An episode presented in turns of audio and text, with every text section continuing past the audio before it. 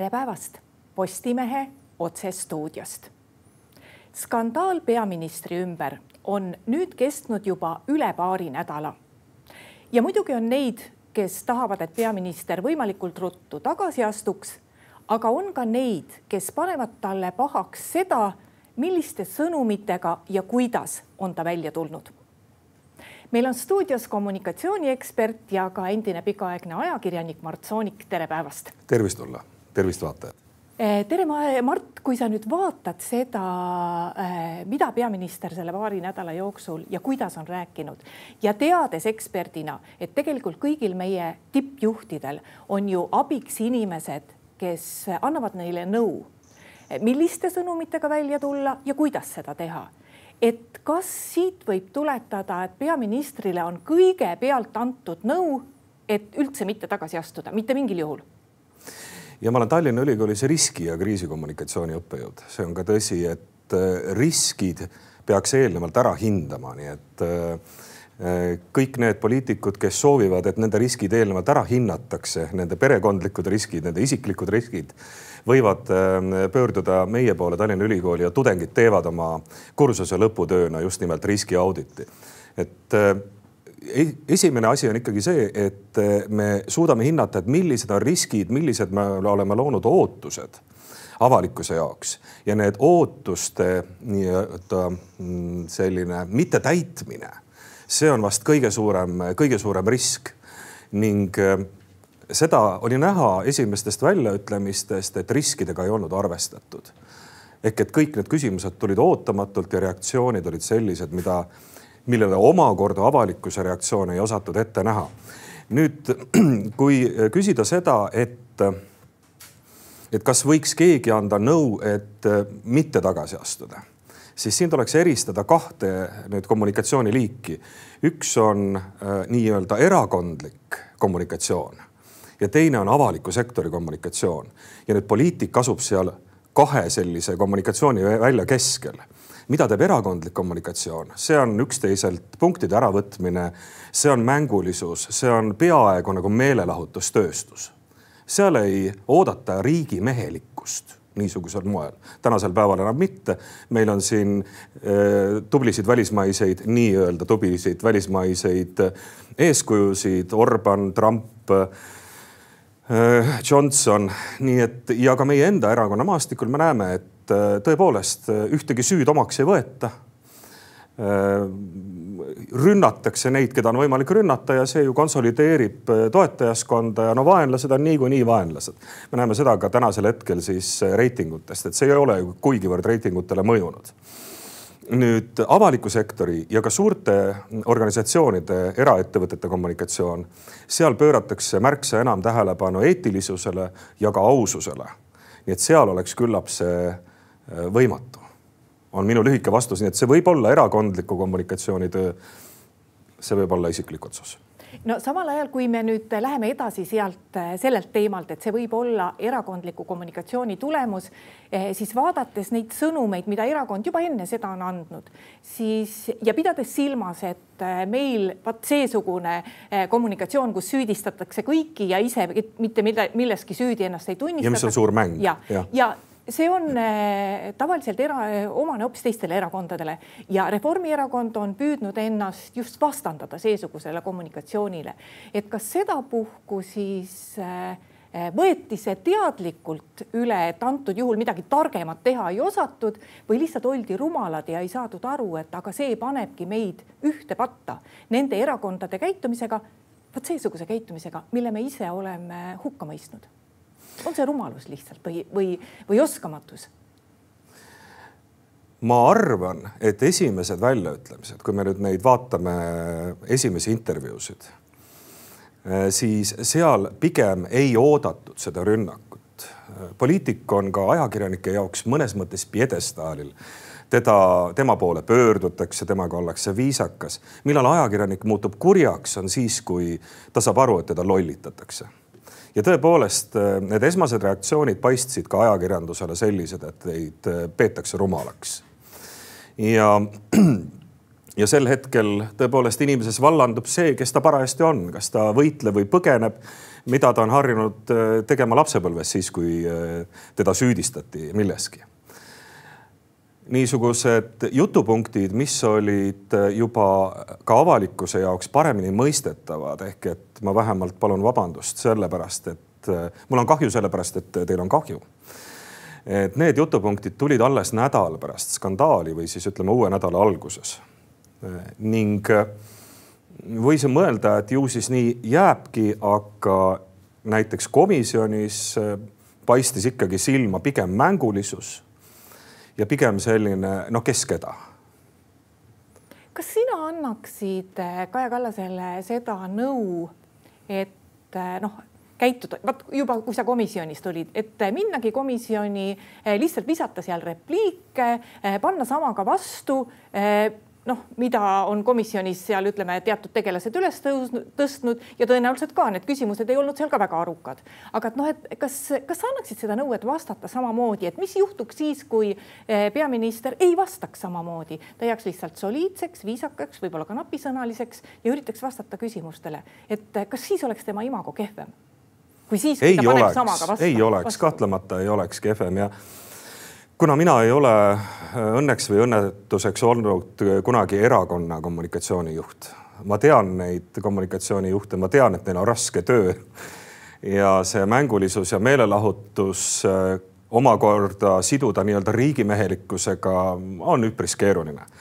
mina olen olnud avaliku sektori kommunikatsioonijuht ja seal väga selgelt äh, ma niisugust nõu ei oleks andnud. ma oleksin just nimelt palunud olla siis kasvõi napisõnaline, aga ikkagi vastata küsimustele, jääda soliidseks, mitte hakata loopima tagasi nii-öelda lapse tasandil seda palli, mis äh, mulle ette söödetakse. Kas sellisest olukorrast, kus välja on tulnud nüüd nii palju erinevaid tõendeid, on võimalik üldse kuidagi viisakalt ja jõuliselt välja kommunikeerida, kas keegi üldse praegu suudab anda selliseid, sellist nõu, et kuidas käituda et need rünnakud Kaja Kallase vastu lõpeksid ja, ja noh, kui tema on otsustanud, et ta tagasi ei astu, et siis eh, ühel hetkel see kõik rahuneb, on seda võimalik teha üldse? tõepoolest, me ei tea seda. me ei tea seda, milliseks eh, kujuneb eh, peaministri toetajate hoiak ja kui palju siis teda nõustatakse kui peaministrit ehk kui avaliku sektori kõrgeimat juhti või kui palju teda siis soovitatakse käituda nii nagu erakonna kõrgeimat juhti, et siin ma eelnevalt tõin ka välja, et, et need käitumismustrid võivad olla täiesti erinevad, nüüd on nad veidikene segamini, minu jaoks on nad veidike segamini, rollid on segamini. ja ma ei tea, kas on võimalik jõuliselt sellest välja tulla, küll aga tõesti pisendades, vähendades, uute teemade juurde tulles. me oleme näinud, et äh, ka mõningane eetrivaikus on töötanud skandaalide puhul, nii et äh, võib-olla tõesti on praegu see taktika, et küll aeg parandab haavad ja lähme edasi uute teemadega, toome uut värsket peale, näete, meil on siin linnapeaga seonduvad äh, skandaalid. täna on oluline päev Keskerakonna jaoks, nii et, et ma arvan, et see lootus on, jah nojah, ja lisaks on ju noh, sel nädalal on ju näha, et kuna Tallinnas toimuvad mitmed rahvusvahelised üritused, eh, suhteliselt tipptasemel üritused, kus peaminister on kohal, siis ta on juba avalikkuse ees hoopis teiste teemadega. jah, täiesti õige, täiesti õige. nüüd, kui ei ole sellist eh, nii-öelda kiuslikku ajakirjanikku, kes ka muuhulgas küsiks, et aga mida te arvate sellest ja sellest või kui ei tule juurde uusi detaile, mille kohta tegelikult eh, saaks küsida Eh, läheme natuke minevikku ka ja vaatame, kuidas on lõppenud eh, teised ja, ja, ja teiste peaministritega eh, seotud skandaalid. et kui me võtame nüüd meie kõige legendaarsemad peaministrid Mart Laari ja noh, sa mäletad neid ise ka, sa olid tol korral ajakirjanik et eh, noh, väga varasest ajaloost on see eh, rublatehing ja, ja rublatehing, aga tol hetkel isegi ei olnud sellist väga professionaalset kommunikatsiooninõu ilmselt veel, et siis veel ei töötatud, töötanud nii palju ohjeldamatult nõu andvaid eksperte peaministri ümber ilmselt. Jah, ja ilmselt ei tehtud ka iganädalast reitingu uuringut, mille järgi saaks öelda, et kas on aeg tagasi astuda või ei ole veel aega tagasi astuda, sest et poliitik töötab poliitilise kapitali nimel. Tema huvi on poliitiline kapital ja see poliitiline kapital on meie hääled, meie toetus talle. juhul kui toetusega midagi ei juhtu, siis tal ei ole põhjust äh, nii-öelda ratsionaalsel tasandil tagasi astuda. küll aga emotsionaalsel tasandil, kui ta on aru saanud, et ta on petnud ootusi, ootusi, mille ta on ise ajanud kõrgeks. kommunikatsioon on üks suur ootuste tekitamine, et küll me oleme head, küll me oleme tublid, meie tooted on kõige paremad, palun väga. meie inimesed on kõige ausamad ja alati iga ootuse tekitamisega tuleb arvestada, et aga kui me seda ootust ei täida, siis sellisel juhul läheb meie kommunikatsioon tühjaks, nii nagu sisinaga nagu õhupall. Nii et ähm, jah, ootuste juhtimine ja ootuste kergitamine on alati äh, riskantsed ja siin tundub, et mõnel juhul, kui me räägime varasematest äh, juhtumitest, üks oli ka näiteks, äh, tuleb mul meelde see nii-öelda Siim Kallase juhtum R-hooldusega, kus tema käest küsiti lifti uksel, ta ka muuseas kohe vastas, nii nagu ka Kaja Kallas ei võtnud endale aega mõelda ja öelda, et see on küsimus, mille üle ma pean natukene mõtlema, ma pean natuke järele mõtlema, ma pean teada saama, mis toimus ja ma tulen ja vastan teile hiljem. ta vastas kohe, sama tegi ka tema isa Siim Kallas. ja sellest tegi tol ajal Ras Rasmus Kage tegi Pealtnägijasse loo, mille nimi oli, et hõbekuul, mis tappis Siim Kallase. ja jällegi seal oli alguses sellist keerutamist ja peitmist, mis pärast tuli välja, et siiski peaministri kandidaat tol hetkel oli sellest, sellest teadlik no kui ma tulen Mart Laari selle teise skandaali juurde, mis puudutab äh, äh, Edgar Savisaare pildi pihta tulistamist ja mis oli noh, nagu täielik lollus kas ta ütles seda lasteaia avamisel, oli see nii? ma enam ei mäleta, aga ma mäletan, et siis. see oli mingi teine sündmus. siis oli, äh, siis oli ikkagi ka paar, paar päeva või isegi võib-olla isegi paar nädalat, kus püüti seda siiski heastada aga noh, kui ajakirjandus oli ju täpselt juba kõik äh, välja uurinud, et kes tõi pildi ja kes soovitas tulistada, no siis ei olnud väga palju midagi teha ja see tõenäoliselt ei olnud ka selline parem näide, aga lõppes tegelikult ikkagi väga halvasti kommunikatsiooni mõttes see ei olnud parim näide, et. ei olnud muidugi ja me ju teame ka, et enamasti, kui poliitik võtab vastutuse, siis sellisel juhul tal on väga head võimalused saada tagasi valituks, väga head võimalused jääda ka oma eh, toetajate ees sellise puhta renomeega. no neid selliste toetajate ees, kes, kes ei naudi lihtsalt ärapanemist ja, ja mängulist meelelahutuse kõrget osakaalu Eesti poliitikas eh, kokkuvõtvalt võib vist öelda, et ega kui nüüd Kaja Kallasel õnnestub ametisse jääda, siis võikski see tõenäoliselt olla esimene selline suurem eh, peaministriga seotud skandaal, mille puhul ju eeldaks, et peaminister siiski astub tagasi, aga kui ta tagasi ei astu, aga selle tulemusi, kui ta ei astu tagasi, me näeme siis alles tulevikus ilmselt. Me tegelikult ei tea seda tõepoolest, seda mõju on eh, huvitav hinnata tagantjärele. Ja ma loodan, et mul on ka võimalus oma tudengitega seda skandaali analüüsida nii sel aastal kui ka järgmisel aastal et siis äh, mõista, mis siis tegelikult äh, pärast avalikkuse reaktsioon on olnud. Eh, sest üks poliitik võib ka äh, pärast seda nagu ära lahkuda, aga see on nüüd vaat see asi, mis jääb erakonna peale sest et erakond eh, on siiski otsustanud olla tema selja taga antud juhul ja tõenäoliselt neil ei ole rohkem fakte, miks olla tema selja taga, kui see, mida meie avalikkuses teame. Eh, ja teine tasand on ka koalitsioonipartnerid, kes on nüüd küll, ma arvan, et kommunikatsiooni mõistes ma ei tea, kas, kas nad on praegu nagu usutavalt kommunikeerinud seda, miks nad kõige sellega lepivad või on seal ka pead sees, kuidas sina vaatad seda?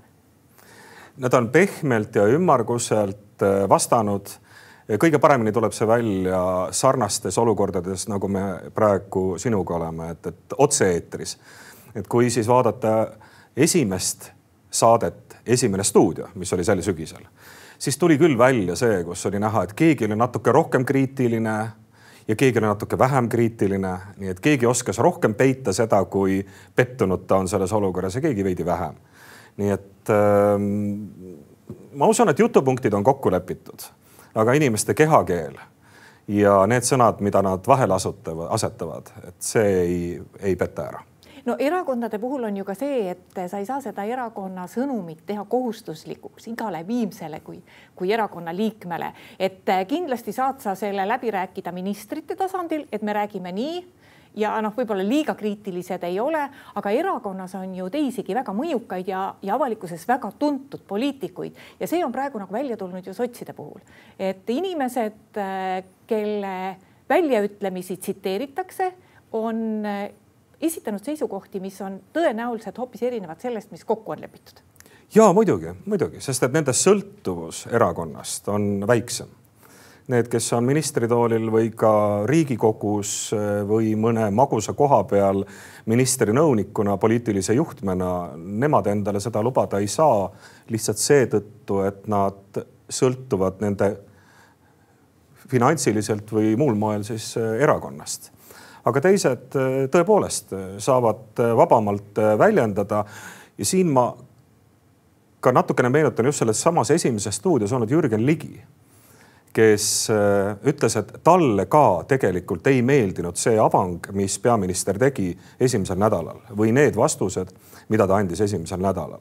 nii et julgevad öelda ka juhtpoliitikud äh, kriitikat, äh, kui nende käest seda pidevalt ja pikema aja vältel küsida kas Kaja Kallas kuulab, kui kõrvalt vaadata, kas sa julgeksid öelda, et kas ta seda nõu, mida talle võiksid anda sinu kolleegid kas ta seda kuulab?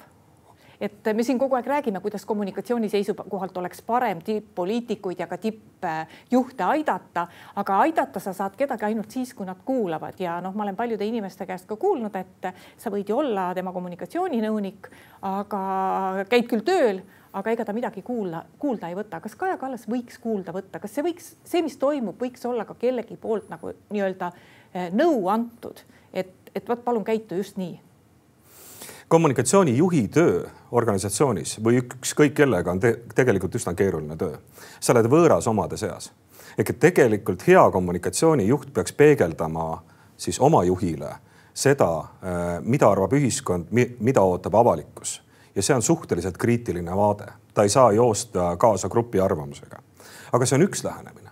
on ka selliseid kommunikatsioonijuhte, kes on Eh, noh, kas siis rohkem kommertstaustaga, turundustaustaga, eh, kes eh, hea meelega võimendavad ja ka aeg-ajalt ka noogutavad kaasa juhile ja see ei ole nende ülesanne. Nende ülesanne on olla juhi kõrval kriitiline mõtleja.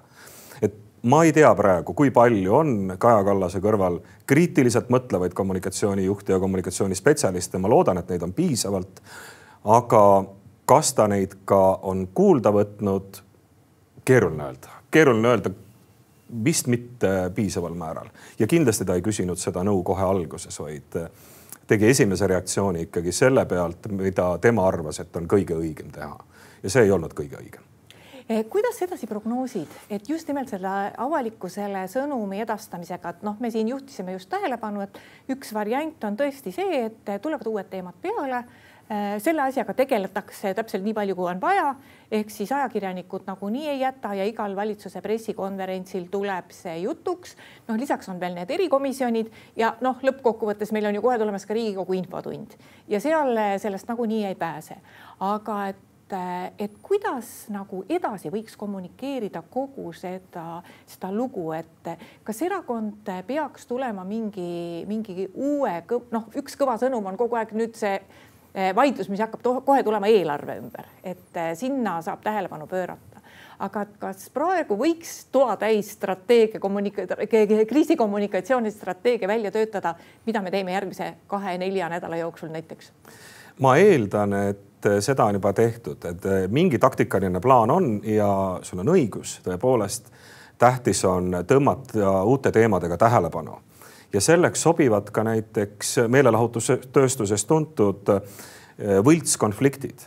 Ehk et eh, konfliktid, milles lepivad osapooled eelnevalt kokku, aga mis on piisavalt magus teema, et eh, sellega tõmmata ühiskonna tähelepanu ja lisaks muidugi ratsionaalsed sellised olulised eh, teemapüstitused, mitte siis emotsioonide pealt, vaid sellest, kuidas me hakkame tulevikus elama ja olema, milline on meie eelarve, kuhu me midagi investeerime, mis saab automaksust, mis saab eh, teistest algatustest. Sa ütlesid, Mart, et sinu tudengid kindlasti sel sügisel saavad ühe teemana ülesandeks, kuidas, kuidas. see algfaasis see kriis oli. Ja, ja just kindlasti, kriis, kriis oli algfaasis, et äh, mis sa, mis sa arvad, et kui range sa õppejõuna oled või õpetajana seal, et, et on neil üldse võimalik anda sulle korralikke vastuseid ja on neil üldse võimalik välja töötada nagu see korralik kriisiplaan? Või teiselt poolt, nagu sa alguses ütlesid, kui mõelda läbi, siis lugu ei olegi tegelikult väga keeruline, kui kui panna paika strateegia ja noh, eeldada ta ka see, et see, keda aidatakse, tahab, et see abi temani jõuaks. hästi küsitud ja et me tõepoolest eh, tudengitega koos me saame alguses vastata küsimusele, mis juhtus ja vaadata, millised olid täpselt tsitaadid sõna-sõnalt. vaadata, milline oli meediakajastus, millistes kanalites, millist hoiakut evisid eh, erinevad meediakanalid. no me ju teame, et ka Postimees Grupil on natukene erinev hoiak võrreldes näiteks Ekspress Grupiga ja võrreldes ka Äripäevaga, et, eh, et on olemas erinevad hoiakud, me vaatame selle järgi, millised, milline on see pilt ja kui sealt tuleb mingid äh, vahvad soovitused, siis ma olen väga õnnelik selle üle ja väga tänulik tudengitele nende analüütilise töö eest. Äh, ma ei mõista neid hukka ja lõpetuseks veel, kas selline peaministri nagu üldine kuvand, et äh, kas Kaja Kallas tekitab selle ise, no nii selle kriisiga kui üleüldse eh, nagu kogu selle peaministri aja jooksul tema käitumine, tema selline siiski oodatust suurem jõulisus, seda ju ei eeldatud tema puhul. et eh, on ta selle autor ise või on tal kaasautoreid? tal on kindlasti häid soovitajaid, sest et eh, peaministri väljaütlemised on tegelikkuses ikkagi ajas muutunud. et ähm, niisugused teravad äh, võib-olla ka niisugused veidi halvustavad või ähm, ühiskonnas, ühiskonna mittemõistmist kajastavad äh, väljaütlemised, me mäletame neid aeg-ajalt. Äh, ka näiteks pensionäride teemal ja, või, või mõnel muul teemal, niisugused äkiliselt äh, ütleme, ütleme ja siis mõtleme seda on jäänud kindlasti vähemaks ja ma arvan, et see on suuresti kommunikatsiooniinimeste teene, kes on näidanud, mis on olnud selle tulemus ja ta targa inimesena mõistab ja on äh, võtnud kuulda, aga näete kriisiolukorras sel hetkel mm, esimeste vastustega ei suutnud. aitäh, Mart Soonik tulemast Postimehe saatesse. aitäh kutsumast. ja aitäh ka kõigile neile, kes meid vaatasid Postimehe järgmine otsesaade on nüüd eetris juba esmaspäeval. seniks lugege uudiseid postimees.ee. thank you